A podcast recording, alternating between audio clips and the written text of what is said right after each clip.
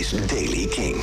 Nieuws over Best Cap Secret en de politiek die een einde wil aan woekenprijzen voor doorverkooptickets. Dit is de Daily King van woensdag 8 februari. Michiel Veenstra. Eerst maar eens beginnen met het muzieknieuws. Best Cap Secret heeft de line-up bekendgemaakt voor de editie die dit jaar op 9, 10 en 11 juni plaatsvindt. Alle namen vind je op king.nl en in de King app. Dit zijn de belangrijkste King-namen.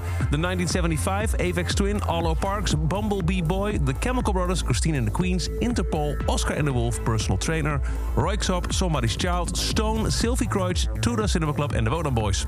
Komen allemaal naar Best Kept Secrets. En dan, afgelopen zaterdag ging Lowlands in de verkoop. Het was van tevoren al poeh.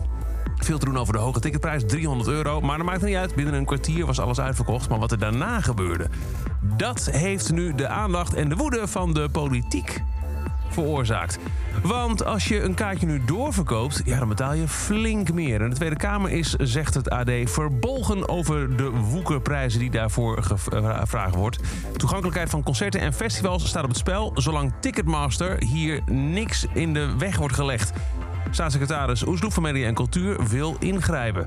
Uh, het gaat dus om de doorverkooptickets. Ticketmaster doet dat helemaal zelf tegenwoordig. Hè. Uh, ze deden al uh, ineens uh, de deuren op slot vlak voordat het ehm, begon met de voorverkoop van, van Lowlands. Een paar dagen voordat de kaartverkoop van start ging... werden bijvoorbeeld uh, Sizes Ticketswap volledig buitenspel gezet. En daarmee werd Ticketmaster eigenlijk een soort van monopolie positie toegedicht door zichzelf.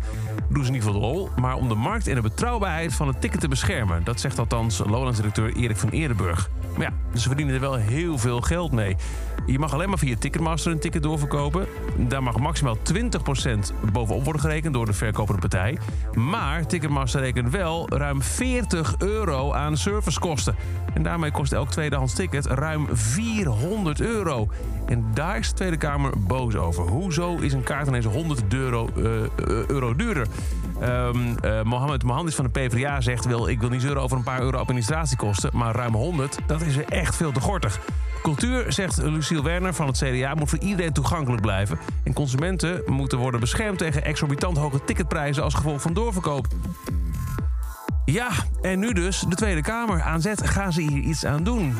Het schijnt dus dat staatssecretaris Oesloe van Media en Cultuur wel op maatregelen broedt. Wordt ongetwijfeld vervolgd.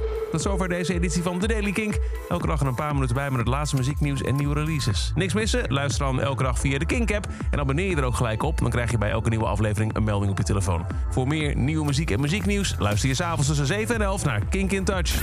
Elke dag het laatste muzieknieuws en de belangrijkste releases in The Daily Kink. Check hem op kink.nl of vraag om Daily Kink aan je smart speaker.